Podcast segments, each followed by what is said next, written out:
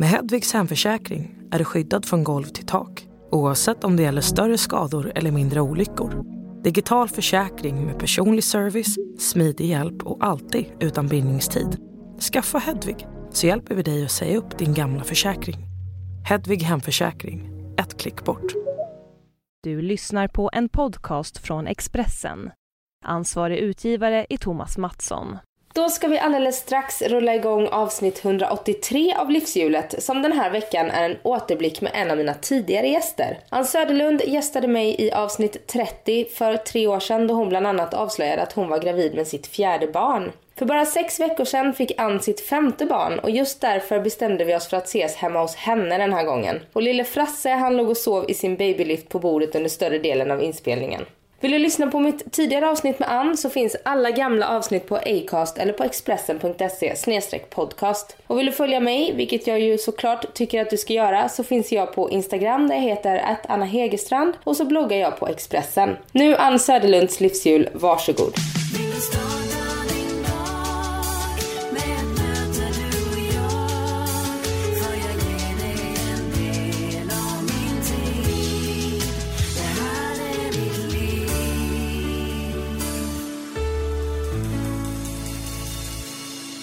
Då eh, säger jag välkommen till livshjulet.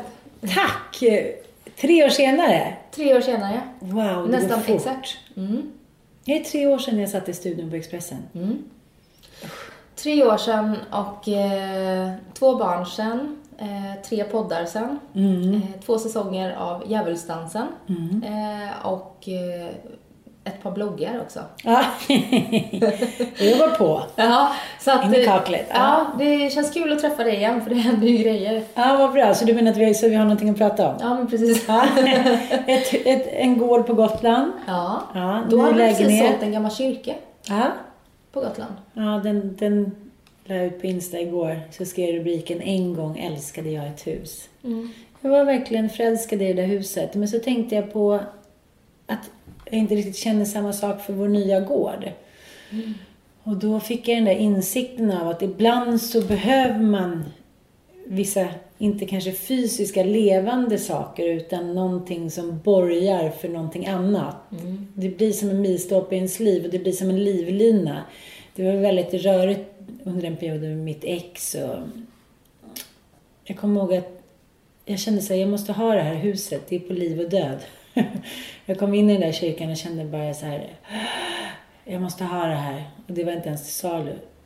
Eh, så jag sålde ju min lägenhet och eh, riktigt, riktigt eh, kanske överilade beslut. Men, men det var så otroligt viktigt för mig att ha det där huset. Jag tänkte så här, här kommer vi kunna vara, vad som än händer med relationen och så allting så kommer det i alla fall kunna vara vårt älskade hus. Så när jag var tvungen att sälja det när jag och min ex ex-man skilde oss, då, eh, då sörjde jag nästan det som, inte som ett barn kanske, men som ett eh, djur. En hund Ja. kanske.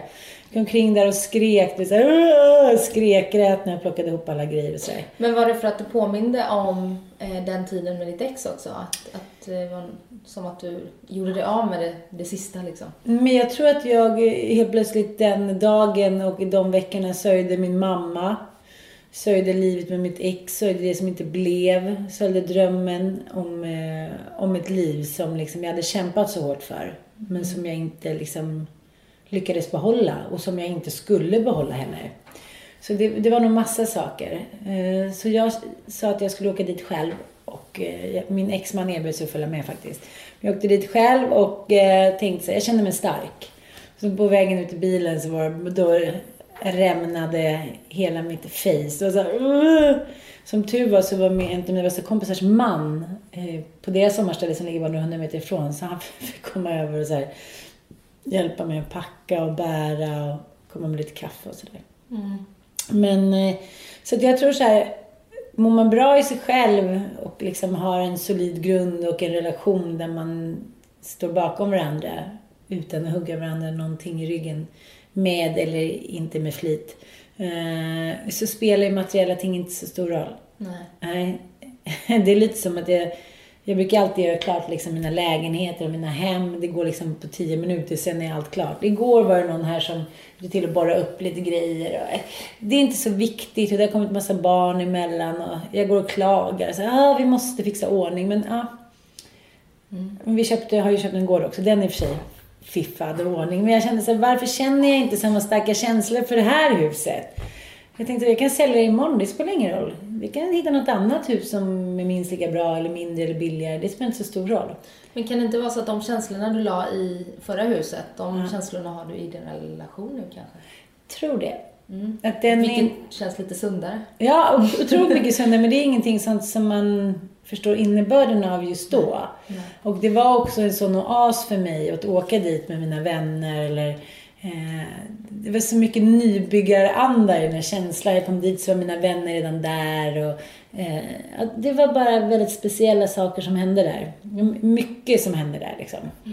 Men nu, eh, den nya gården, ligger den nära, för det är väldigt, hela mediesverige känns det som har hus på Gotland. Mm, särskilt i de krokarna som jag bor i. 200 meter från mig bor Malin och Sigge. Ah.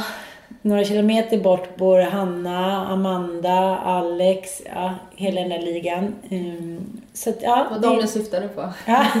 och du och Hanna är väl ganska bra kompisar? Ja, precis. Mm. Så att vi, eh, vi bor ju väldigt nära varandra allihopa. Mm. Mm. Och det känns, eh, känns bra? Ja, men det känns bra. Det var någon som sa så här, men varför ska ni eh, köpa hus på Gotland för? Ni kan ju bara fortsätta umgås här. Ni umgås ju med samma människor i Stockholm som på Gotland. Men jag tror alla som vet, som har fullt upp, som har många barn, jobbar mycket, har en hel del på fritiden, att man umgås inte så himla mycket. Nej. I säsongen om man ska säga så. Utan det är liksom när man har ledigt som man hinner umgås. Och då umgås man ju så det sprutar i öronen på en. Liksom. Mm. Mm. Nej, det märker man ju själv som man har fått barn. Att man mm. blir väldigt låst i rutiner. Ja, men precis. Och eh, jag känner den här gången, min nya omgång med barn, så har jag eh, bestämt mig för också att jag ska bli mer låst rutiner. Jag kanske var lite mer så här, man får se vad som händer, pipifierad mamma med de tre första. Men jag inser med facit i hand att det liksom smakade mindre än vad det kostade. Andningshjärnan. Ja. Det kostade mer än vad det smakade. Just för att eh, det här med rutiner. Det var ju som, var det Liv Strömquist som sa att barn är som eh, eh, kristdemokrater. De vill liksom vara hemma, de vill ha mamma och pappa, mormor och morfar får gärna vara där, man ska gå och lägga sig samma tid, äta ungefär samma saker, det ska se likadant ut. Och eh, jag har väldigt många kompisar, när vi har pratat om det på middagar, kommit till insikt att så här, ja, barnen har inte riktigt velat göra samma sak som vi har velat göra. Vi har velat fortsätta att liksom leva någon form av äventyrs slash ungdomsliv liksom. Eh, en av mina bästa kompisar, de har åkt till, till Hawaii varje jul i 14 år. Och deras barn är bara såhär, men gud, kan vi inte bara vara hemma och så här, fira jul hemma i huset och ha en jävla gran och liksom, nej, nej, vi ska iväg och surfa. Och det är nästan som att eh, barnen blir sina egna liksom konservativa föräldrar mm. på något sätt. Men tänk själv tillbaka när man var liten, vad är det man minns? Det är ju de här stunderna hemma eller på landet på sommaren. Ja. Det är ju inte när man var på flådiga semestrar. Nej, absolut inte.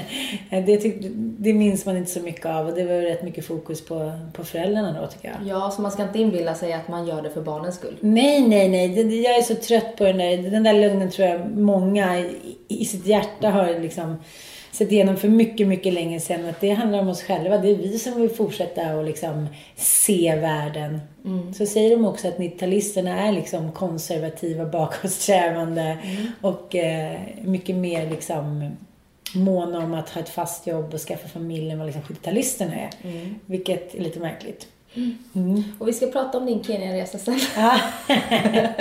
vi ska åka till Thailand i februari. Så.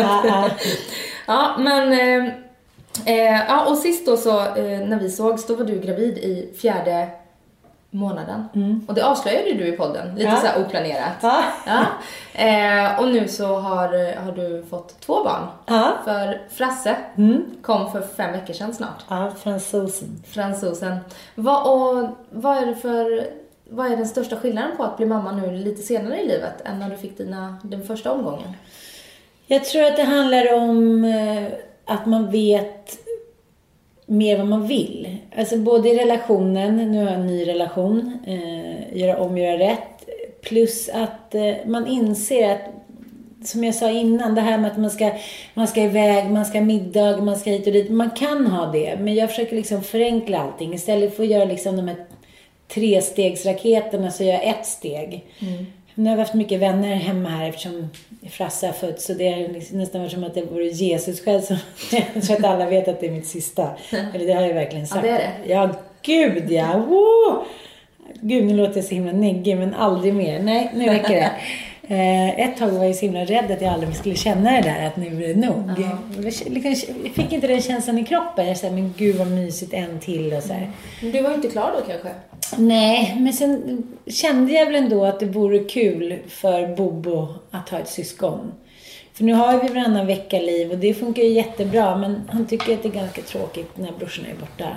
De är borta mamma, de är borta. Och nu är han så liten så vi har ju varit hemma hos mitt ex och jag har försökt förklara att det här är liksom Ilons och Dantes och Ossians pappa. Så, men, nej, dels är han inte vattenvärd, mitt ex. han, han, för, ja, han förstår att det här är då någonting som tar ifrån honom hans brorsor om man säger så. Ja, och dels förstår han inte så då är det så här, jaha. Uh, och dels så, ja men, nu blev det så här. Det var inget, inte superplanerat. Vi pratade om att vi skulle prata om det. Men vi skulle gifta oss först. Han försökte säga så här, jag är inte 22 Mattias. Han bara, ja men vi tar det där. där. Mm. Jag tror egentligen, han hade nog inget behov av ett till barn. Men han är också ganska traditionell. Och tyckte väl liksom, ja, man kanske ska ha två barn. Men nu går ju kan ha sjung på sin egen sällskapslåt. Hur gick den? Det var ingen som sa att det skulle bli sån skillnad. Det var ingen som varnade mig. Och så gick han liksom hela kvällen och sjöng sin låt om vilken skillnad det hade blivit med två barn. Mm. Eh, jag hade glömt vilken skillnad det var. För ett barn är ju faktiskt inget barn. Eftersom vi har levt varannan vecka-liv så har det ju kunnat vara liksom ja, men lite så här ungt och fräscht. Plus att Mattias föräldrar ställer upp så otroligt mycket. Så vi har ändå haft så här men, väldigt lyxigt liksom. Mm. Eh, men nu är det bara, du vet, hemmet rasar, relationen rasar. Jag sa till honom i jag har inte borstat tänderna på tre dagar. Han bara, jag vet inte när jag duschade sist. Så bara, vem ska jag vara? Nu får du göra, du ska ju bara göra en rolig grej, du ska göra en tråkiga. Uh. Ja, men, men äh, vi, vi, vi pratar om det hela tiden, att det här är en period, det är så här det är nu. Mm. alltså, när Anita Schulman, min kompis, var här och käkade middag häromdagen, så sa han så här, ja men nu är det typ två år och sen kan vi också gå ut och käka middagar. Så här, hon bara, va? Men nu får du ta och ge dig. Jag kan vara ute och käka middagen efter fyra veckor. Så kanske inte det kommer bli här, men, men eh, just två år tänker jag väl inte att vi ska sitta här inne och ruttna. Nej. Sa hon och satt med nedkissade brallor. Men sen så har ju Anitas yngsta är två och ett halvt. Ja, Bobo och eh, eh, Kalle Allan, eller vad säger Tom, Tom Allan är lika gamla. Ja, och jag följer ju eh, både henne och dig på, på Instagram och era bloggar och sådär. Ja. Och när man ser på hennes liv så hon är ju en stor förebild, det måste man ju säga. Ja, det beror ju på vad man vill ha för liv. Ja, men om, ja. Man, nu vill ha, eh, om man nu vill ha det här gamla livet kvar då ja. och inte känner att man vill eh, bara klippa. Mm. Jag har ju, jag vet ju nu när jag fick mitt barn så kände jag väl, eh, ja, som jag sa till dig innan, att jag hade hittat mitt kall de första tre månaderna mm. och bara satt, ville vara inne och typ ville säga upp mig från alla jobb och sådär. Men mm. nu som man börjar landa i det lite så, eh, så är det härligt att se att det finns någonting där ute också. Och jo. att man kan vara en del av det. Jo men som frilansare så har man ju fördelen att man kan ta några få jobb. Mm. Eh, eller inga jobb alls eller massor av jobb. Men mm. jag tror att eh, de som föder barn nu och 90-talister, 80-talister och 00 de kommer ha en helt annan inställning till det här med jämlikhet och jämställdhet och jobb. Mm. För att arbetsmarknaden är så osäker. Jag hade ju en fast anställning när jag väntade mitt första barn. Mm. Så då var jag ledig, jag tror i alla fall, om 12-13 månader. Skrev en krönika och tyckte det var helt fantastiskt. Och jag är jätteglad över det året. För det var, det var ett väldigt speciellt år i mitt liv. Det har aldrig kommit tillbaka. Jag har aldrig gjort så igen, utan jag har börjat jobba tidigare och sådär. Mm. Men att bara på, få fokusera på liksom någonting annat än det, liksom, livet utanför. Det var en väldigt, liksom, ska jag säga, stärkande känsla tycker jag. Mm, och vila i den bubblan. Ja, det var väldigt häftigt. Hur känner du idag då? Som eh, frilans? jo, men... Oj. Han ligger, Frasse ligger på bordet och sover här när jag eh, pratar för högt så blir han rädd. Ja, men han är ett väldigt känsligt barn. Ja. eh, Det ska vara mjuk i tonerna. Ja, men absolut. Men det var så roligt för att eh, Anita och några kompisar ordnade ju en eh, baby shower för mig lördagen innan han kom. Han kom på fredagen därpå. Och eh, det var så otroligt härligt. Mycket härligare än vad jag trodde. Jag hade tjatat lite på Anita. Jag vill ha en baby shower.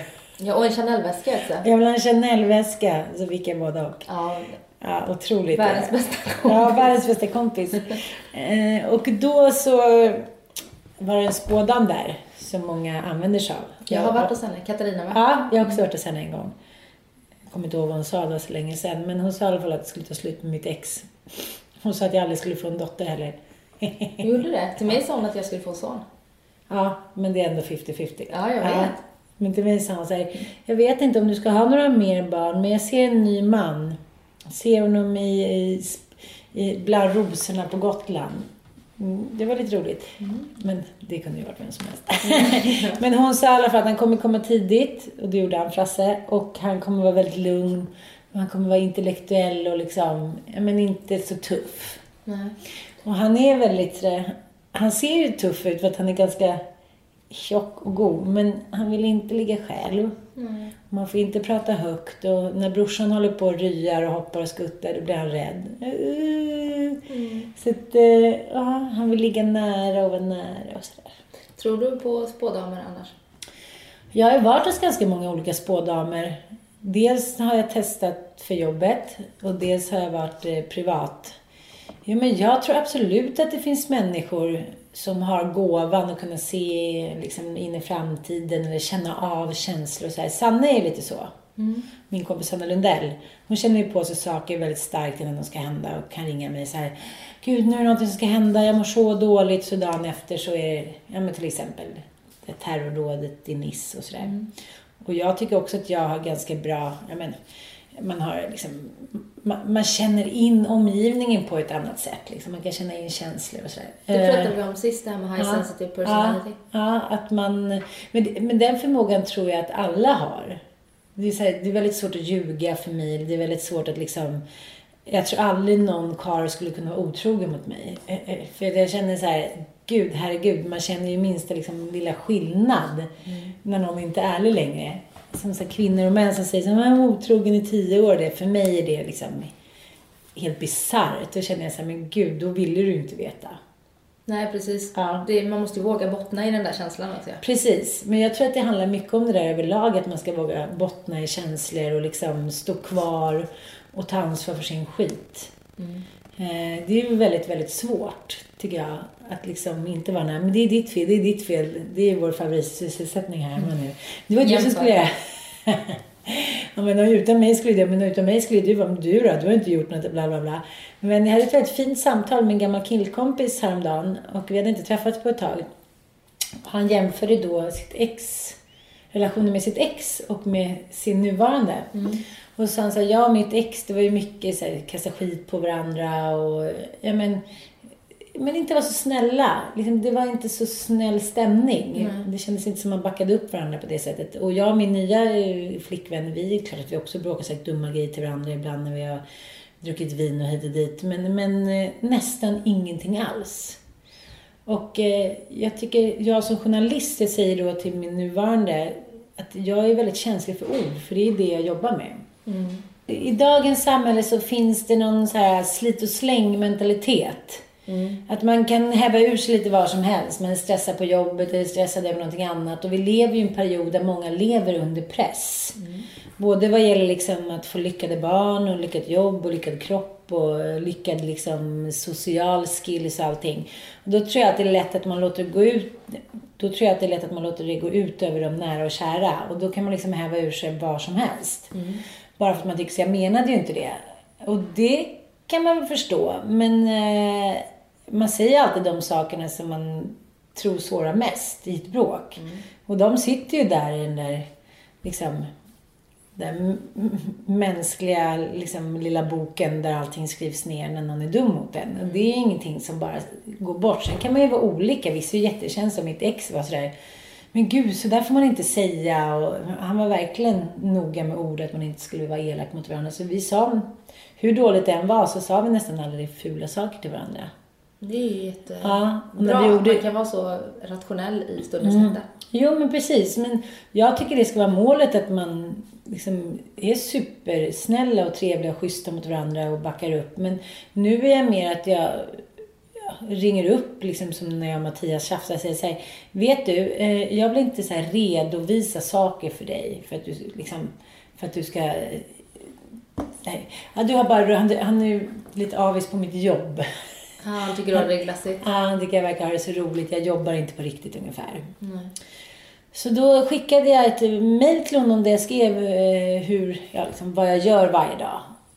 För jag tycker så dels har jag inget behov av att, att ja, klockan 10 bloggar, 11 intervju, 12 fotografering, 13 bla bla, städa, fixa med skolan. Alltså, det är saker som pågår. Han är ju redan så stressad så det skulle vara tusen gånger värre om han visste vad jag gjorde på riktigt.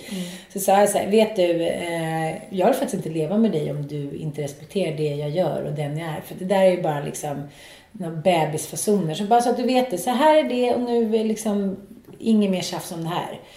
Jag menar, så, så jag tycker att man får också stå upp för vad man är. Jag tycker jag har så många kompisar som inte riktigt vågar säga vad de känner och tycker och vill. Och då kan man ju faktiskt inte så här, sitta i efterhand när allting har tagit slut eller gått åt helvete och anklaga den andra personen. Det tycker jag är fel och orättvist. Liksom. Ja. Det är ju bristande kommunikation som leder till Mm. separationer. De subventionerar ju parterapi i Stockholms stad för att det är så många som separerar. Så vi går faktiskt i parterapi nu. Mhm. För att vi, vi hade, jag är ganska temperamentsfull, men Mm. under min graviditet så blev jag liksom tvärtom. Så jag blev jättelugn, snäll, vän, alltså så här väldigt harmonisk. Vilket min kille då tyckte var jättehärligt. Sen så fort han var ute så var det bara. Oj, nu blir Frasse rädd igen. Förlåt. Eh, Men så att, så att vi går var, varannan, var tredje månad. Eh, och det tycker jag är skitbra. Vi får ju läxor. Mm. Så att eh, tills nästa gång, tänk på det här. Vad kan du göra? Vad kan jag göra? Jag tycker också det är helt fantastiskt. Vi gick ju några gånger i våras eh, till familjeterapeut. Eh, bara för att prata om hur man ska göra med bonusfamiljen. För det är det som har varit vårt stora problem och det tycker jag det talas väldigt tyst om. Jag tycker alla mina kompisar, man kommer kanske med tre, fyra barn i bagaget och den man träffar har två, tre barn eller ett barn eller liknande. Alltså det förstår ju liksom vem som helst att det inte är lätt att synka det här. Och barn är ju eh, kanske inte alltid jättesamarbetsvilliga i en viss ålder. Där man ska frigöra sig och man liksom har redan en förälder på andra sidan då, liksom en pappa eller mamma som man tycker står för någonting och man har inget behov av någon ny pappa. Det är annorlunda som man, jag har kompisar som har barn, nya relationer där barnen är ett och två och tre år gamla. Ja, Men då är det ju helt omöjligt att inte älska eller bli älskad i stort sett. Men som i vårt fall så var ju barnen 6, 8, 10 på väg mot liksom 11, 7 och 9. Det är ganska stor skillnad liksom. Eh, Då har man redan sina föräldrar och tycker så här, Särskilt om den äldsta, du är inte min pappa. Så det är någonting som vi har fått kämpa med. Och särskilt om man inte har några egna barn som Mattias, då har man ingenting att jämföra med. Så jag försöker förklara för honom då att så här, men du får se själv när, när, när vi får barn, som det var innan då, eller när barnen växer upp, hur man är, hur mycket man vill beskydda dem, hur mycket man gör för dem, hur mycket man skämmer bort dem, och särskilt över varannan vecka-livet tror jag. Så, att så här, döm mig inte ungefär. Nej. Det fick vi hjälp med. Och nu har jag gått lite i sån här klassisk medberoendeterapi igen. Eh, för jag tycker att jag bara hamnade i mitten liksom. Alla bara så här ville ha, ha, ha och ingen ville ge någonting tillbaka. Och då fick vi också papper som vi skulle fylla i. För då sa min medberoendeterapeut att eh, enligt forskning, de relationer som funkar, det är de som har ungefär tre stycken värdegrundsregler som de håller, tre till fem. Okej. Ja, men tänk dig tre rubriker till exempel. Här hemma så är det viktigt för oss att vi eh, håller ord eller att vi har lekfullt eller något sånt där. Ja. Så nu sitter vi här med tre eh, sidor och försöker liksom skala ner det till våra grundvärderegler här hemma. Mm. Också bra. Ja, det är jättebra. Ja. Så ni, ni jobbar ju på det i alla fall. Det finns, eh, det finns ju två nya böcker. eh, Bland annat en av min kompis Moa Herngren Mm. som handlar om bonusfamiljen, som är jättebra. Ja, det var det jag tänkte fråga. Du, Ja. du är ju bra på att gräva där du står. Sist Ja. vi eh, pratade så höll du på med en bok om tweenies. Ja. Att du hade barn på väg in i den. Ja, det har inte blivit så mycket med den boken. Nej, men då tänkte jag att eh, det är, inget, det är inget, inga tankar på bonusfamilj. det temat. Nej, jag tycker att det var så mycket med det. Jag vill bara liksom njuta av att eh, allting går bra just nu och att... Nej, just det ämnet. Jag har ingen lust att rota i. Nej. Det är så många andra som är bra, tycker jag. Och just nu då så, hur, hur ser det ut eh, med liksom fördelningen och sådär? Du nämnde för mig att Mattias var inte jättesugen på att vara hemma med barn. Jo, men han ska vara det då efter sommaren, eller till sommaren. Ja. Den gamla klassikern. Han var ju pappaledig från dag ett förra gången. Mm. Det känns inte som vi har liksom hunnit bestämma så mycket. Det känns som att det är ganska lösa boliner. Eh, vi, har fixat, vi har fixat ordning köket. Det var ett jättelitet kök. Eh, Nu är det stort. Vi har renoverat lite och fixat ordning till barnen. Vi har haft liksom, fixat vår stora gård. Den är inte helt klar. Mattias har sin liksom, eh, lampfabrik och håller på. Jag är frilans och håller på med massa grejer. Just nu känns det lite som att det är att vi tar lite dagen som den kommer. Men vi sa det, fram till jul så kan vi göra det. Sen måste vi liksom styra upp allting. Allt från så här, hur ska vi göra? Ska vi ha en nanny? Ska vi ha mer städhjälp? Bla bla. Men nu är vi lite schyssta mot varandra och liksom, vi, fram till jul så får det vara så här lite rörigt. Och sen ska vi eh, sätta oss ner och göra upp en plan. Ja, för jag tänker när man, när man tittar på, på dig nu. Du bloggar, du driver ja, tre poddar. Det är Lille Lördag med Anita Schulman och det är Pregopodden med eh, Andrea Brodin. Brodin och sen så är det Hello Africa. med Sanna Lundell och Kristoffer Triumf. Mm, jag vet. Jag bara, Och sen så går, det ju redan inspelat, Djävulsdansen 2, men det rullar på TV. Alltså man ser väldigt mycket av dig just Ja. nu. Samtidigt som jag ser här hemma. Det kommer hem en 14-åring och så ligger det en fem, eh, fem veckors på bordet liksom. Ja, men jag inser också att ska man välja att ha en sån här stor familj, eh, då är det inte så mycket mer än att jobba och ha familj. Nej.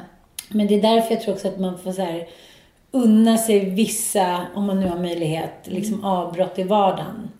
Och inte skjuta upp det och tänka som det gör vi sen eller det gör vi liksom när vi har gjort det eller det, då får vi lägga undan de pengarna. Utan nu är vi, lever lite devisen att säga, äh, fanns det pengar på kontot, då kör vi. Eh, men jag tycker att man måste ta det där med familj på allvar och det känner jag att jag har gjort med Mattias. Liksom, det är inte särskilt enkelt. Nu har vi liksom en trotsande tvååring, en nyfödd som inte vill ligga själv. Eh, jag menar, lägenheten förfaller. Det är en 14-åring, det är en 12-åring, det är en 10-åring. Det är så här... Ja, Och man, trots i två och ett år. Ja, och man vill liksom ha ett socialt liv och man vill, ja, man vill liksom börja fixa i ordning, träna lite. Mattias bara, han, han tränade lite på jobbet häromdagen, första gången sedan vi träffades ungefär. Han bara, aj, aj, aj, aj. Man måste ju också ta hand om sig själv för att klara av att ha den här stora familjen. Så är det bara. Men just nu är det med lite skräckblandad förtjusning och inse liksom vad det här innebär. För innan så har det varit varannan vecka har vi kunnat ta det lite lugnt ändå. Nu igår var det verkligen så här. okej. eh, Bobo gick omkring och skrek då att han, att han ville bygga kojor. Klockan var tio på kvällen. Eh, Den enda meningen vi sa till varandra var så här. Har du sett nappen? Har du sett nappen?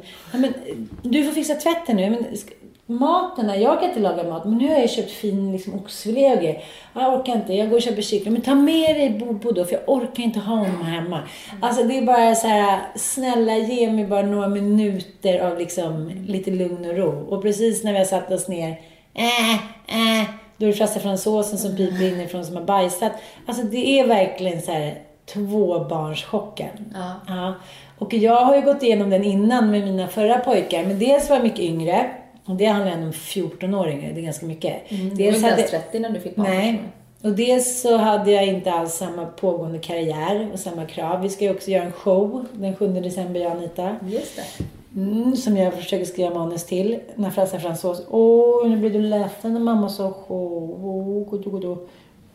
Plus att då hade, då hade vi vårt trea, jag och Nanook. Nu har jag liksom en eh, sexa, femma, jag har en stor gård.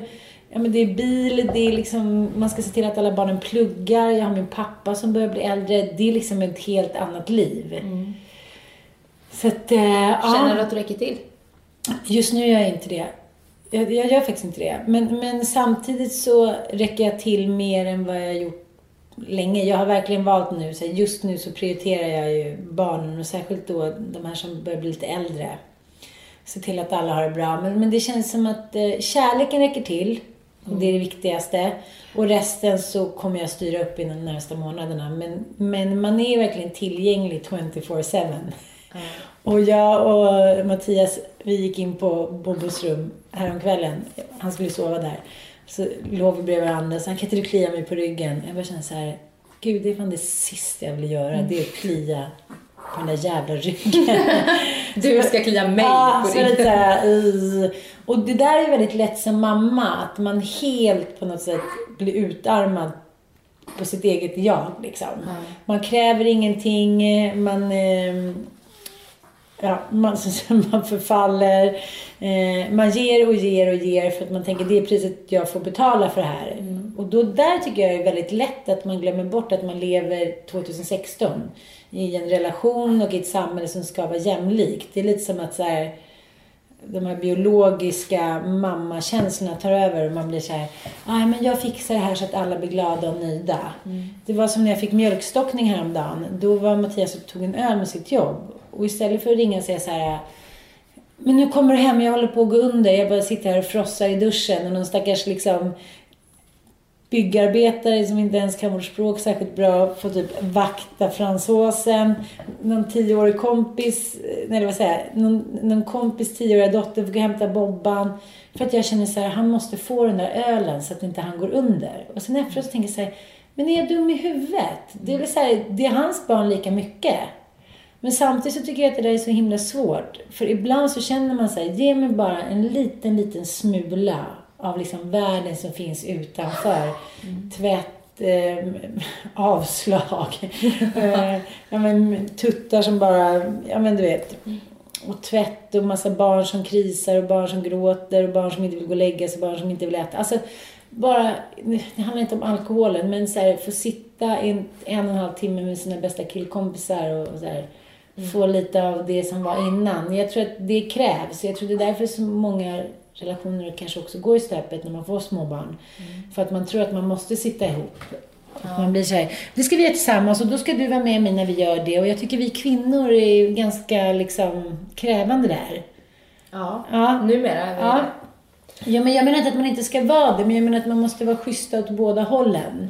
Och jag tycker också att männen har en tendens att utnyttja lite det där liksom, ja men nu är du ändå hemma så att nu kanske jag kan passa på liksom. Ja. Och då blir det sura miner såklart. Men sen så är det ju så, det kommer ju inifrån en själv också. Jag vet ju, vi har, eh, min lilla kille har eh, ett litet smultronmärke på näsan Ja. som han äter medicin för, Ja. för att det inte ska växa. Så vi går på regelbundna kontroller på Astrid Lindgren. Ja. Och varje gång vi är där så ska han ta, ta de blodprov på honom för att se att eh, värdena är bra och sådär. Och jag tycker det är så jobbigt Ja. att vara med. Och då är det sådär, istället för att jag och min kille ska vara med båda så kan ju min kille åka dit med honom själv. Ja, gud, och folk höjer ju på ögonbrynen och jag får dåligt samvete för att Ja. Mm. jag är en dålig mamma. För att jag är inte med där. Nej, men jag har samarbetat lite med Agnes Wold som är professor i bakteriekultur ungefär. Och hon säger det att hon får ju mail och eh, brev och sms och telefonsamtal varje dag från kvinnor, välutbildade kvinnor i 30 och 40-årsåldern som är så ängsliga och har så mycket skuldkänslor och liksom absolut inte känner sig säkra i sin mammaroll. Hon säger så här, vi har liksom sprungit förbi männen på alla områden. Eh, liksom pojkarna som går på högstadiet nu, de har förut liksom tagit ifatt på gymnasiet. Nu är det så här, de gör inte det. Varenda hög befattning kommer innehas av kvinnor inom tio år ungefär. Och ändå så är vi så otroligt ängsliga i vår mammaroll. Ja, men nu får man inte ge salt och vi, hur ska jag göra där och nu känner jag mig som dålig mamma och kan man äta det här och hit och dit. Jag kan inte amma. Ja, hon säger så här, herregud. Man gör det man kan liksom. Och det här med att man inte får salt i maten. Det är bara, allting är bara på för att kvinnor ska skrämmas. Eller så här, man, barnen blir friskare av amning och hit och dit. Det finns inga belägg. Det är så lite det finns belägg för liksom. Och jag känner så länge mamma och pappa är glada och eh, barnet mår bra så får man väl göra det som krävs. Det är samma sak som Läckberg och Magdalena Grafri som har valt att inte amma. Den kör jag med hot hela tiden. Senast i morse. Ja. Så jag säger, okej, från och med måndag. Då kör vi varannan natt. Ja, ja, ja. Eh, så det, jag tycker det är lite sorgligt. Jag tror att vi kvinnor får gå lite mer på, nu pratar jag mot mig själv, men på den gamla magkänslan. Att eh, om vi nu är så liksom, duktiga att ta för oss och klarar allting eh, liksom, i den andra delen av världen, vad skulle vi inte vara den bästa mamman för våra barn? Så tänker jag. Mm. Såklart. Ja. Det är ju så enkelt. Men eh, rationellt här uppe i huvudet fattar man ju det. Mm. Eller så. Men eh, känslomässigt så är det jobbigt. Mm. Vi, har, vi delar helt lika på nätterna nu och jag är en helt annan människa. Ja. Jag har fått sova för första gången på fyra månader, så här, Mm. åtta timmar i sträck. Men jag pratar också med Sanna om det där, Sanna Lundell, om att när man inte får sova. Hur snabbt det bryter ner en människa. Det är ju en Ja, sån total tortyr. När hon fick Lo då, då var ju Micke iväg och spelade in massa filmer och det var allmänt struligt. Och Lo liksom sov aldrig mer än kanske 40 minuter. På nätterna Ja, ja. Och det har jag ju märkt nu på Frasse Fransosen att han har bajsat på natten i början. Och det har inget av mina barn gjort. Och sen bara gå upp tre gånger och byta blöja och börja om på morgonen. Det känns som att man har blivit överkörd av en mangel. Så att eh, jag tror att eh, jag tror alla skulle må bra av att få lite mer utbildning kring det här. Det är som, som Mattias när han kommer sen när jag ringer och säger att jag har mjölkstockning då. Så säger han så här, sms, ska jag stanna och handla något på vägen? Och jag vill bara skriva så här, men är du helt jävla dum i huvudet? Jag har mjölkstockning, jag är typ, håller på att dö. Kom hem för helvete. Du vet, man vill bara så här, men, men han vet ju inte hur det känns. Han har aldrig varit med om att någon haft mjölkstockning. Och det är just det där att man jag brukar prata om 10 sekunders regeln att jag tycker många relationer direkt liksom, det är ditt fel, du är dum i huvudet, bla bla bla. Men om man bara räknar till 10, då blir det en helt annan text som skrivs. Så det blir så här, kom hem istället. och jag tycker det där är en ganska bra grundregel både för vuxna och barn, att så här, vänta ett tag. Tycker är som att när man också lever i en relation där den andra kanske reser bort någon dag eller går ut eller gör någonting som man känner sig liksom ensam eller Ja, här sitter jag hemma. Då vill man direkt bara skicka en massa taskiga sms och här sitter jag, du är dum i huvudet och hur kunde du åka iväg hit och dit. Men så biter man lite i det sura äpplet och så går det en halvtimme, en timme. Sen är allting ganska härligt igen. Ja. Att inte agera i känsla. Ja. Men det är svårt. Det är väldigt, väldigt svårt. Men jag brukar ge mig den här äh, regeln att var tionde gång ungefär får jag agera på, på känsla. Ja. Ja, jag menar just det så här, har man sagt en grej, det är okej för mig, då tycker jag också liksom, då behöver man inte ta tillbaka den. För då sitter man kanske ute och har roligt eller åkt någonstans eller känner så här, nu är jag home safe och sen så får man den där skiten ändå. Då blir det dels att det som man var med om, upplevelsen, inte blir något rolig. Nej. Och dels så eh, blir, känner man sig själv liksom svag och falsk. Men äh, det är svårt alltså. Det är väl det som är det svåraste. Mm. Och så på sömnbrist också. Ja. ja, jag håller med. Och ehm, just det här att ta hand om sig själv. Mm, Jag, jag jag, så läste, precis tänkte på det. ja, jag läste att du har skaffat PT, eller så på Instagram. Ja. Men Vi Så har inte någon varit där. pigg och glad tjej. Ja, otroligt pigg och glad och snygg. Nej, men jag tänkte det nu att jag, det som jag sa innan, att ibland krävs det så himla lite för att man ska känna som att eh, man känner sig helt ny. Bara en massage. Jag tänkte bara åka på spa över dagen någon dag. Jag har gjort någon gång när jag känt att jag har varit riktigt nere i fötterna. Och så kommer man ut från var det nu har varit någonstans, eh, badat några varma källor, schamponerat sig, ätit lite frukt, fått en massage. Och då är det så här, okej nu kör vi. Nu menar inte jag att det här ska vara någon quick fix, att man ska här, dra ner sig själv i skiten och sen ska man gå på spa och sen ska allting vara bra. Men, men bara liksom att gå och föna håret eller eh, få en massage eller träna. Så att den här gången bestämde jag mig för att eh, jag faktiskt ska ha PT. Just för att jag ska komma igång. Sen behöver inte det vara något hysteriskt eller liksom att man behöver se ut som någon superfitness Giselle Bündchen efter två veckor. Men jag känner det att jag känner att jag behöver vara stark i kroppen för att palla det här. Ja, jag tänker, jag, jag kör också med PT nu Ja. som är licensierad för träning efter graviditet. Jaha, gud vad bra. Ja, jättebra. Eh, och min rygg har tagit ganska mycket stryk. Kroppen tar ju stryk Ja. när man är gravid. Och då tänker jag, du har haft fem graviditeter. Ja. Hur känns det i kroppen? och fem förlossningar framförallt. Ja, det var så roligt häromdagen när jag läste en intervju med, i Mamma med, med Magdalena Graf. Och då berättade hon om sin femte förlossning och hon var så här, ah, hennes kille satt och sålde bilar. Ja. Hon liksom tick tick och sen så satt hon och sa ta en bild tack till bloggen. Nu bad inte jag Mattias ta någon bild till bloggen men det var lite samma sak att han satt och kollade på någon serie och jag sa men nu tror jag att jag är öppen 10 centimeter och han var så här va? Jaha okej jag skulle hämta saft. Och så ställde han eh, den här saften där på bordet och sen satte vi oss ner och så satte vi på den här trä, vad kallas det för? Som en liten trä, träsko.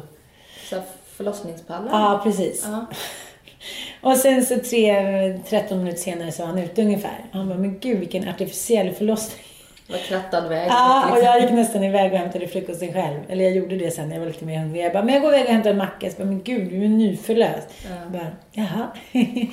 men eh, jag vet, jag har inte riktigt känt efter. Men min systers döttrar var här häromdagen på middagen och sa så men gud!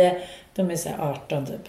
Men gud, jag har fått fem barn. De måste vara liksom så helt förstörda när det bara slamsor. Jag bara såg den här bilden som de hade framför sig. Att man bara så här, ett köttmonster som går omkring.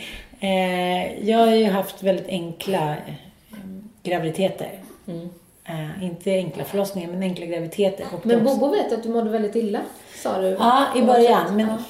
alltså, om man tar på det stora hela så var det väldigt enkla förlossningar. Eh, eller det väldigt enkla graviditeter. Och, eh, och sen har det varit enkelt för mig att komma tillbaka och jag har inte fått någon liksom, ja, ingen baby blues eller något sånt där liksom. Men det är klart att kroppen har tagit stryk och jag kan känna det ju som du säger i ryggen och i hållningen och liksom. Men nu känner jag så att den här gången kan man ju inte bara låta det vara. Nu måste man sätta igång med knipövningar, med träningar. Eh, ja, man måste liksom ta hand om sig själv. Och det är väldigt, väldigt lätt att prioritera bort det. Säger jag av egen erfarenhet. Det är så Okej, man ser hur det ser ut där hemma. Ska man städa eller ska man gå till PT? Om man vet att barnen kommer vara borta en vecka. Det är väldigt enkelt att bortprioritera sig själv. Liksom. Men jag tänker om man har en PT. Och sen är Men vad är det älskling? Oj då. Oj, det är mammas korvar. jobbigt nu. Men det som händer också, det som jag ärligt måste säga, det är också det här med att ha struktur med fem barn. Det är inte jättelätt, särskilt inte när de är i så olika åldrar. Och det har jag också eh, pratat, tagit professionell hjälp med. Och så här, hur ska man göra liksom? Och det är som de säger, jag pratade med Malin Alvén, hon bara, men sluta håll på liksom, vis, var så liksom, hård mot dig själv. Även när det gäller bonusfamiljen, muta, lirka, gör vad som krävs så att det känns bra för alla. Hon bara, det kan man väl göra. Försök få det att gå ihop bara. Precis, och det är samma sak som när jag frågar som, som det här med middag då och alla ska komma hem sex och äta bla bla bla. Hon bara, men okej, eh, du kan ju gärna ha det som liksom ambitionsnivå men om 14-åringen då kommer lite senare eller inte kommer alls, ja, men då får du väl antingen få värma maten eller också få ha liksom, lådor i frysen.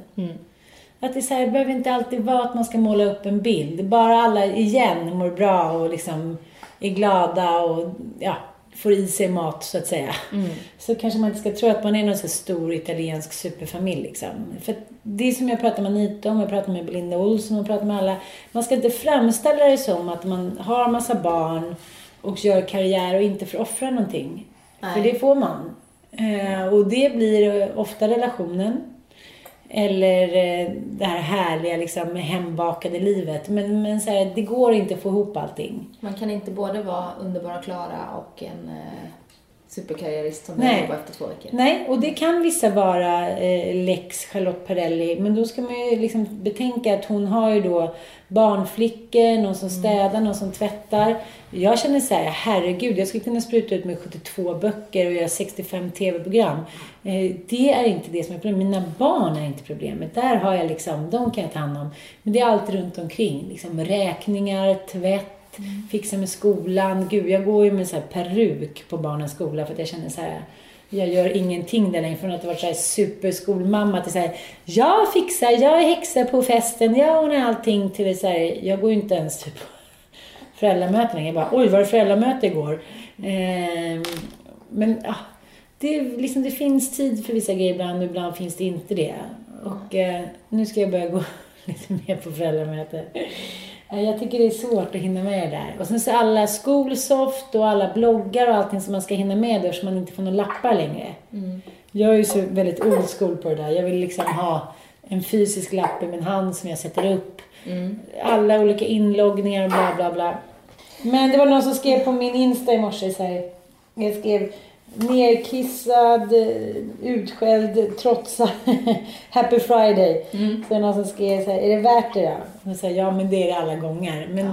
det är inte särskilt romantiskt alltid liksom. Nej. Nej. Men det är rätt skönt att kanske följa sådana personer som dig som visar upp den sidan också. Mm. För det är ju lätt att tro på de här sociala medierna att det är så himla härligt. Nu pratar vi väl i och för sig ganska mycket det senaste om att det är en förljugen värld.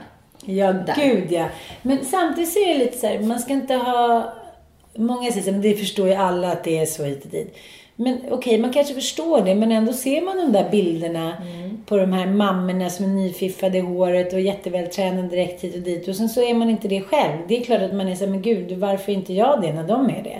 Och så känner man sig otillräcklig. Ja, så att jag tycker så här, nu kanske inte jag tycker att den här TV4-kampanjen där så kända mammor skulle visa sig osminkade kanske gör någon stor skillnad. För det, ja, det tycker jag man kan bjucka på lite dit. Det tycker inte jag är så här, någon feministisk handling att inte ha smink. Alltså så här, Jag jaha. vet Carolina Gynning gjorde ju det en vecka att hon skulle gå osminkad. Ja. Det säger jag har gått osminkad. Jag är jämt osminkad. Alltså om jag jobbar kanske jag har lite mascara. Ja, det blir ja. ingen grej. Nej, det är inte heller så här, wow. Men om man är supermakad varje dag så är det ju såklart en grej. Men just så här, man får ju bortprioritera det som liksom, ja, som kanske inte förändrar hela ens värld. Alltså förstår du vad jag menar? Smink eller, ja. Ja, men ska inte gå in på det där. Men alla får göra som de vill. Men eh, jag tror att man får liksom sänka garden lite. Sen är det jättehärligt. Jag är ju väldigt ofta med på TV4 på helgerna. Då går man upp tidigt och sen så sitter man där och blir så superfixad och snygg. Och sen kommer man hem vid 20 över 9 och är så här, God morgon! Det är klart att det hjälper. Jag tänker att det hjälper också att känna sig fin. För då, då känns vardagen inte lika tung liksom. Nej. Om man får vara lite fiffad i håret eller sminkad eller så sånt där är nog viktigare än vad man tror. Men det handlar om det där med prioritering. Då, gå och fixa håret, ja då tar det några timmar. Och Det är också att mina barn eh, har behov så olika tider. Nu slutar Ossia, min 14-åring, slutar tidigt på fredagar. Så då kommer han hem runt 12. Jaha. Då vill jag ju liksom, om jag kan, vara här. Och det är det som är både det bra och dåliga med, med att vara frilans. De tycker inte heller riktigt att jag jobbar. Nej. Vadå? De kan ju ringa mig tio gånger om dagen. Men vadå? Vadå är du inte hemma? Nej, jag är på jobb. Jaha. Kan du föra över pengar? Kan du... Så att... Eh, Jag vet, man, jobbet blir inte taget på allvar. Man har ju en privilegium att man jobbar med det man brinner för. Du kan ju verkligen, jag menar som djävulsdansen. Jag vet sist, sist när vi sågs här nu för tre år sedan så, så sa du det att du, då hade du pratat med Belinda Olsson och så hade du fått förfrågan om att vara med på Fångarna på fortet eller något sånt där. Då hade hon sagt så här, skit i de här lekprogrammen nu utan gör det du vill göra. Och då sa du att du hellre ville vara utanför strål, strålkastarljuset ett tag för att få komma in och göra de projekten du brinner för. För att blir det för ytligt så mår inte du bra. Och nu så har du ju verkligen gjort... Alltså jag har ju sett, jag har sett eh, några program i säsong ett och eh, faktiskt bara eh, det senaste nu i, i tvåan. Eh, och det, ni bidrar ju så otroligt mycket du och Sanna i det ni gör. Eh, så att det kanske är baksidan av att få jobba med det man brinner för är att man inte blir riktigt tagen på allvar av sin familj för att man har ju så kul på jobbet. Det är inget Precis. riktigt jobb. Nej. Så här, blogga, vadå blogga? Ja. men men eh, djävulsdansen har ju betytt otroligt mycket för mig. Eh, både för mig, min utveckling och eh, det har ju helat mig väldigt mycket. Jag har ju fått jobba med någonting eh, under, vad blir det? Det blir ju två och ett halvt års tid. Som har varit någonting som jag har eh, liksom tänkt på hela livet, som det här med medberoende. Psykisk ohälsa, det inser vi nog alla att det är nästa stora superallvarliga samhällsproblem som vi verkligen måste, måste, måste ta på allvar och mm. liksom få bukt med. Mm. För att det är så många människor som mår psykiskt dåligt idag så att, eh, och särskilt kvinnor i, eh, i liksom arbetsför ålder. Vi klarar inte av det här. Och det är bara som senast nu min kompis Karin Adelsköld som klappade ihop. Och eh, även Mia Skäringer som går ut med det att den kombinationen som är just nu och den pressen som är på kvinnor, den är omänsklig. Ja. Det spelar ingen roll om vi liksom så lever i tusen år. Det går inte att få ihop den ekvationen utan att klappa ihop förr eller senare. Det är för att vi ska ta igen på männen på arbetsmarknaden och sådär. Men ändå så är det ju det här biologiska hemma med barn. Mm, mm. Och då, ta första serien då som handlade om att eh, leva nära någon som eh, var alkoholist eller som missbrukade. Eh, först ska man leva upp till alla de här kraven och sen ska man även ta hand om någon annan som inte riktigt klarar sig själv. Mm. Eh, så att jag, till slut leder ju det till för tidig död. Om man inte tar sig ur det. Och det är ju samma sak med psykisk ohälsa. Och det kom fram en, en mamma och pappa till mig när jag satt på ett fik häromdagen. De satt också så satt de och tittade på mig. Och, så ja. och sen började mamman gråta och sen kom de fram. Ja, förlåt att vi stör och sådär men vi vill bara tacka för djävulsdansen. Ett av programmen handlar om en eh, ung tjej som har haft anorexia. Och eh, hur det är för hennes familj att leva med det. Och de hade en 19-årig dotter som hade anorexia och liksom ja, men försökte överleva varje dag. Mm. Och eh, jag tycker också att människor som dömer överlag, som dömer eh, barn som har ADHD, barn som har bokstavskombinationer eller psykisk ohälsa, säger att de är ouppfostrade eller liksom eh, bråkiga hit och dit. Alltså så här, jag tycker man ska vara väldigt, väldigt försiktig med sådana uttalanden för människor kämpar så hårt hem, hemma på kammaren och, mm. och älskar och jobbar och offrar allt för sina barn liksom. Mm. Jag, vet, jag har själv haft anorexia. Och, och, när jag såg det här senaste eh, avsnittet då som handlar om syskon ja. så får jag så otroligt dåligt samvete mot min lilla syster. Jag har ju ja. gått i terapi för att jobba med det dåliga samvetet och liksom mm. hur min familj har blivit påverkad. För att det man, man ägs ju av sin psykiska ohälsa. Ja. Nu är det här tio år sedan jag gick i behandling och, och liksom tog mig ur det. Sen har det varit en lång väg tillbaka. Men, men det är ju någonting, jag har ju fortfarande blivit lite omyndigförklarad det är först egentligen när jag träffade min kille och skaffade barn som jag känner mig som vuxen nu. För att mm. de har ju behövt ta hand om ett vuxet barn egentligen. Mm. Så att eh, jag känner, det är väldigt gripande. Och jag tror att det är väldigt många som känner igen sig i det i och med att det är så vanligt. Mm. Så, uh. Men jag hade faktiskt inte riktigt förstått innebörden av att vara anhörig till någon med anorexia för vi spelade in det här avsnittet. Nej just det där hur ägd man är, just dels av psykisk ohälsa överlag, men just anorexia den är så otroligt förödande för alla. Mm. För dels måste man omyndigförklara sitt barn. Mm. För att man måste se till att det överlever mm. på något sätt. Jag tyckte det var ganska stor skillnad på att spela in Djävulsdansen 1 och 2. För att har man någonting fysiskt som till exempel en flaska eller en drog, då kan man ju vara arg på den. Mm. Men, men den psykiska ohälsan, det är så här, jaha, hur ska man lämna någon som vill dö? Mm. Hur ska man lämna någon som inte klarar sig själv? Mm. Hur ska man lämna någon som inte har valt det? Alltså förstår jag menar? Inte för att jag menar att man har valt alkoholism, men... Men man kan ju också ta bort alkoholen helt. Du mm. behöver ju inte alkohol i ditt liv. Nej. Men eh, när det gäller anorexi, du, du behöver ju mat. Ja. Du måste lära dig förhålla dig till det. Och det är mm. det som är problemet. Mm. Eh. Hur lyckades du ta dig ur det? Oj. Eh.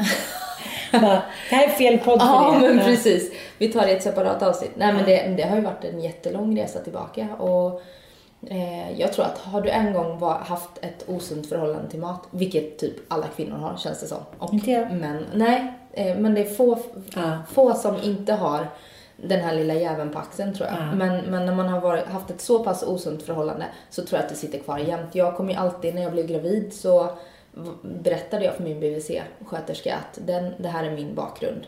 För mm. att det kan eh, utlösa en graviditet, kan utlösa om någon dör. Det är ju ett sätt att ta kontrollen liksom. Ah. Så att jag kommer alltid vara vaksam på det. Men mm. eh, ja, jag tror bara det handlar om att jobba med sin självkänsla.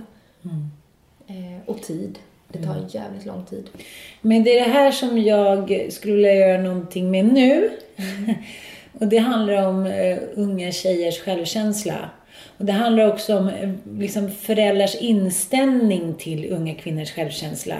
Du och jag sa lite förut att så här, men gud, det är rätt skönt ändå att ha fått killar. Mm. Dels slipper man vara orolig på samma sätt för sexuella trakasserier när de är ute sent. Dels är det här med anorexia inte lika utbrett. Men jag blev så himla så här, aha-upplevelseaktig igår när jag eh, såg en dokumentär från UR som handlade om killar i högstadiet. Mm. Ja, varför de får så dåliga betyg och liknande. Och då eh, var en kontenta då att förut så tog killarna igen på gymnasiet mm. sina dåliga betyg för då mognade de eftersom det vet ju alla att killar mognar senare. Mm. Eh, men nu gör de inte det längre. Utan nu fortsätter de ha dåliga betyg och liksom hamnar för alltid efter. Mm. Då pratade vi mycket om det här när att lärarna trodde att killar har så mycket roligare fritid. De är inte lika hårt hållna. Mm. Eh, eller hårt och hårt, men man är lika orolig. De eh, känner inte alls samma krav på sig. Killar idag är slöare. Plus att de går in i den här spelvärlden, den artificiella världen. De kommer hem, det är läxor, morsan och farsan kanske bråkar, det är stökigt, det är någon fotbollsträning, blö. Folk rör ju inte på sig längre på samma sätt. Men då sätter man på sig de här hörlurarna. Mm. Sitter och garvar och chattar och spelar något spel. Man är någon annan. Man kanske är någon som får tafsa på tjejer. Man får skjuta. Mm. Eh, man får leva i så här supercoola världar. Varför ska man sätta med sin mattebok, sin fysiska mattebok där det står så här X upphöjt Y bla bla bla. Mm. Men det här är också någonting som vi föräldrar tror jag inte riktigt har förstått vidden av att det är så otroligt stor skillnad på att uppfostra flickor och pojkar. Vi säger bara så här, oj, oj, oj, de är så hjälpsamma och jag ser det på mina kompisar som har döttrar. Jag känner så här, men gud, tänk om man hade haft fem döttrar ändå. Mm. Ja, men de vill ha mysigt hemma, de hjälper varandra. Det, liksom, det är faktiskt helt annorlunda. Mm. Eh, men det är för att tjejer lätt tar på sig rollen som duktiga flickan. Och det tycker jag också när man ser kompisar som har små barn. Då är det så deras tvååriga döttrar kan själv. De klär på sig tröjor och jackor hit och dit. Medan pojkarna är så här g, g, g, g. Mm. För att man bara tar för givet att killar inte klarar av saker. Ja, det börjar ju alltså redan från när de föds. Mm. Att man uppfostrar dem olika. Mm. Det, det, är också bevisat att man vågar släppa eh, pojkbarn, alltså mm, mycket längre från, alltså att de får springa iväg och leka mm. längre ifrån föräldrarna än mm. flickor. För det är så här, kom tillbaka nu. Man... Det är det som är så paradoxalt. Om man nu låter dem liksom flyga friare tidigare och sen så ställer man inga krav på dem. Nej.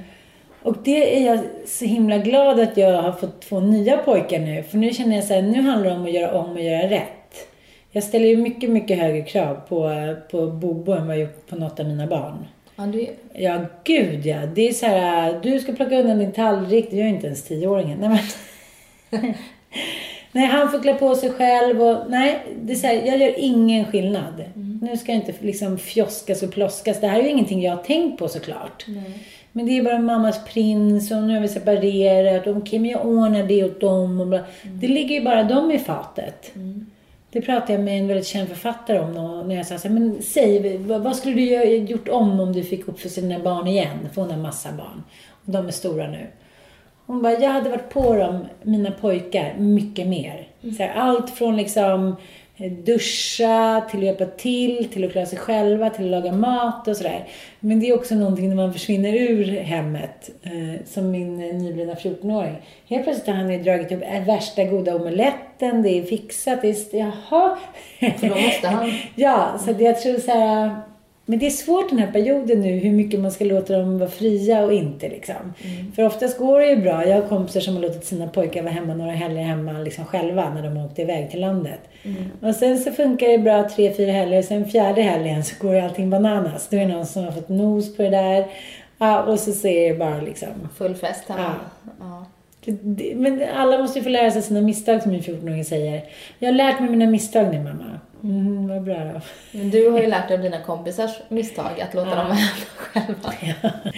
Men vi var ju alltid, när jag var tonåring, vi fick alltid vara hemma själva och det var saker som slog sönder och fester hit och dit och det tyckte man ju inte var något kul. Och det måste man också tro att, det måste man också vara medveten om att min son är in någon gång så här, mamma det är så här festa och hjälp och man sitter på Gotland och är så här, okej, okay, eh, Att de vet ju att det skenar, men därifrån till att några starka tar över, några som kanske är äldre eller tuffare, det går ganska snabbt. Ja, ja visst. Mm.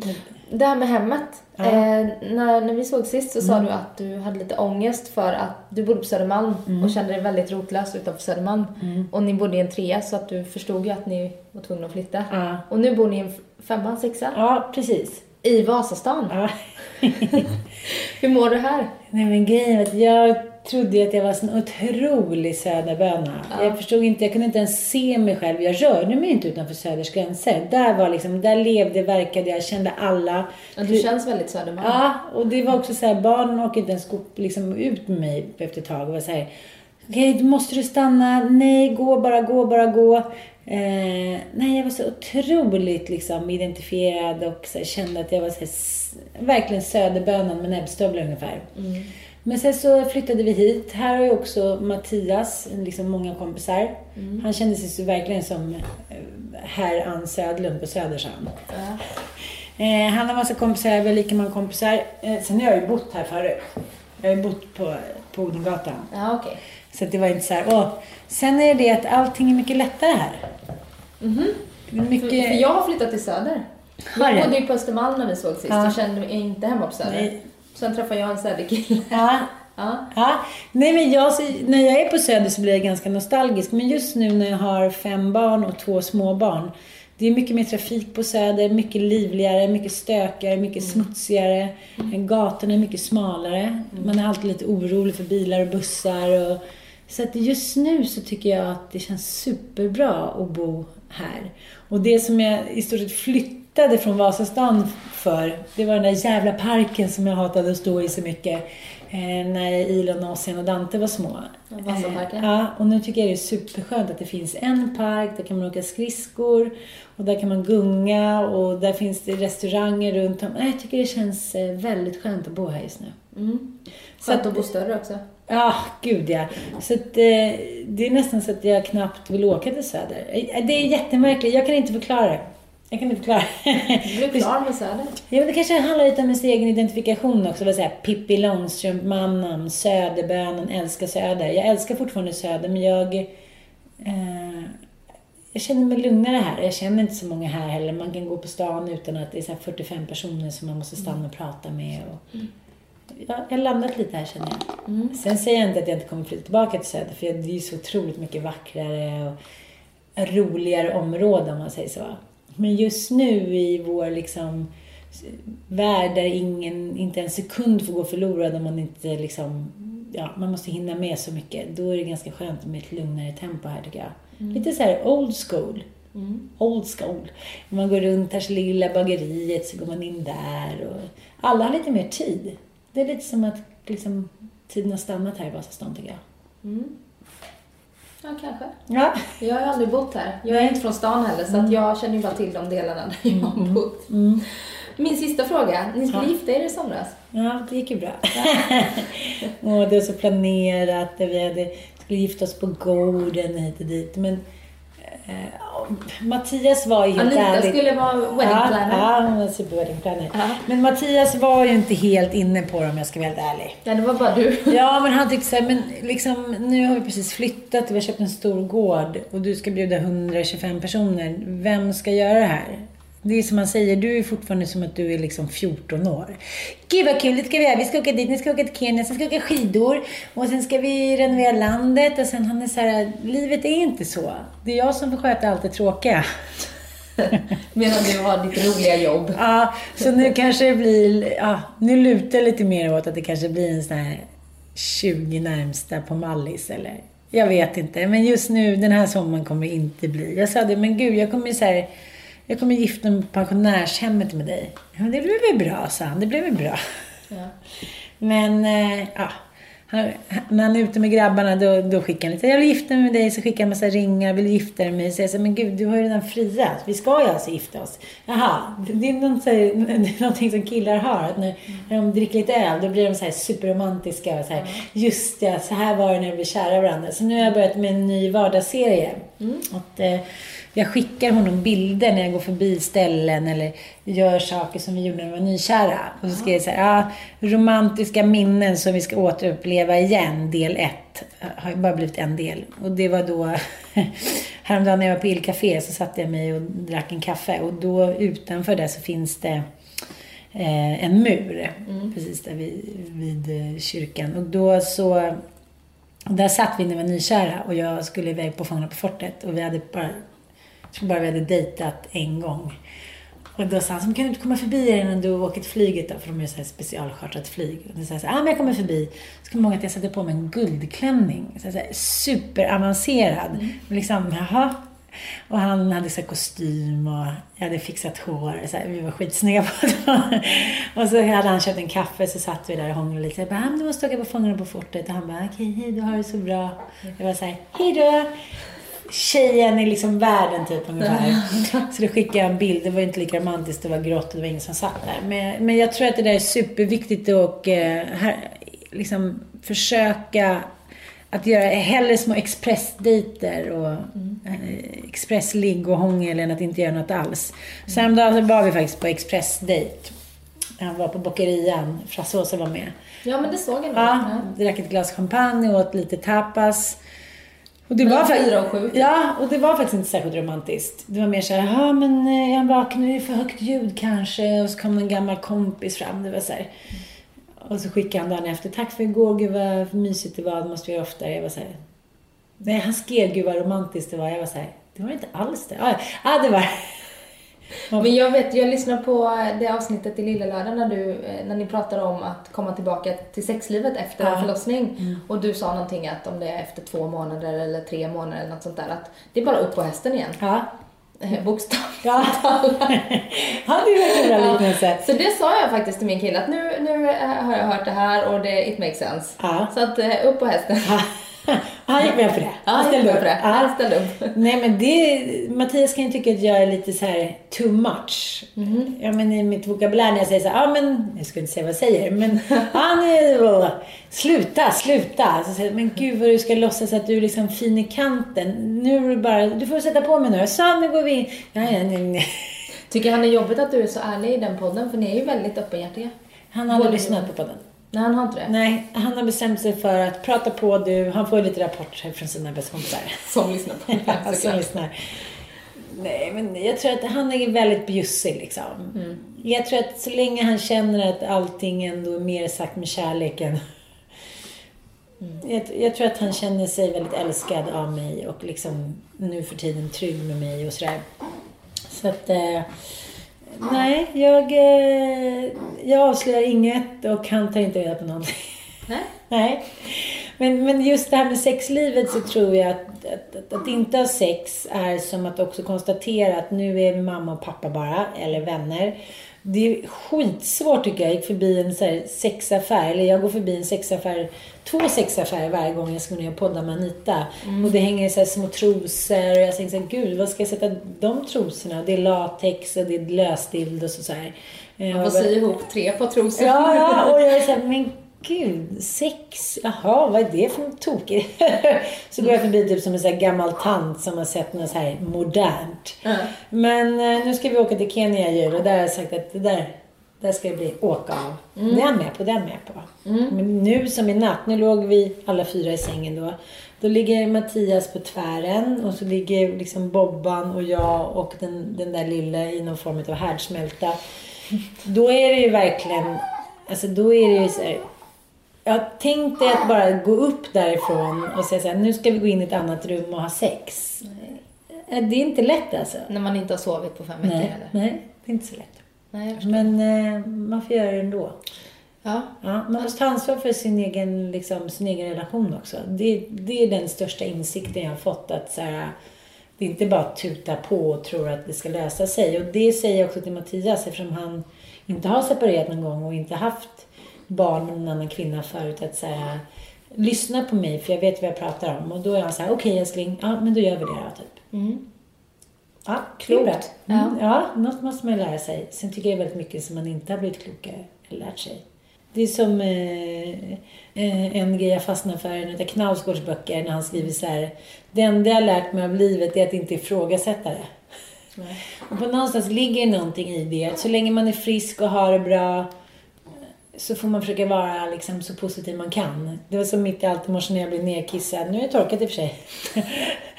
och Bobo låg på golvet och skrek för att han inte ville ha kläder och han ville klippa. Och han eh, skrek på sitt håll och hans pappa, Mattias pappa ringde. Men du vet, det var bara så kaos. Mm. Och äh, ska han gå iväg? Jag bara, men jag älskar dig så mycket. Så här, jag tycker ändå att den här fredagen är underbar. Han tittar på mig som att jag vore riktigt så här, nu har, nu har, någon, nu har hon blivit Pippi Bananas där. Men sen förstod han ändå så här, jag fattar vad du menar så här, ha världens bästa, vi ses sen, älskar dig typ. Mm. Och så planerar vi in någonting för kvällen och så ska vi gå bort till några kompisar med barnen så här. Man kan ju inte bara sitta och vänta på att livet ska bli härligt liksom. Nej, man får, man får göra det härligt och det behöver man inte ha massa pengar för eller någonting. Det finns tusen grejer man kan göra. Mm. Med de orden avslutar vi. Ja. Det var en bra avslutning. Ja. Och tack för att du tog dig tid mitt i allt kaos. Ja, tack för att jag fick vara med. Jag tycker ja. det är jättebra på. Ja, vad roligt. Ja, du Ses vi om tre år igen. Ja, det gör vi. Ja, och om man vill lyssna på er så är det Lille Lördag, Hello Africa och eh, Pregopodden. Ja. Och sen så är det Intiman 7 december. Mm. Som fortfarande, när den här podden släpps, finns en vecka kvar att köpa biljetter till. Mm. Eh, och sen så Djävulsdansen på SVT. Ja. Mm. Fullt ös. Ja. Ha det bra nu. Ha det bra. Hej.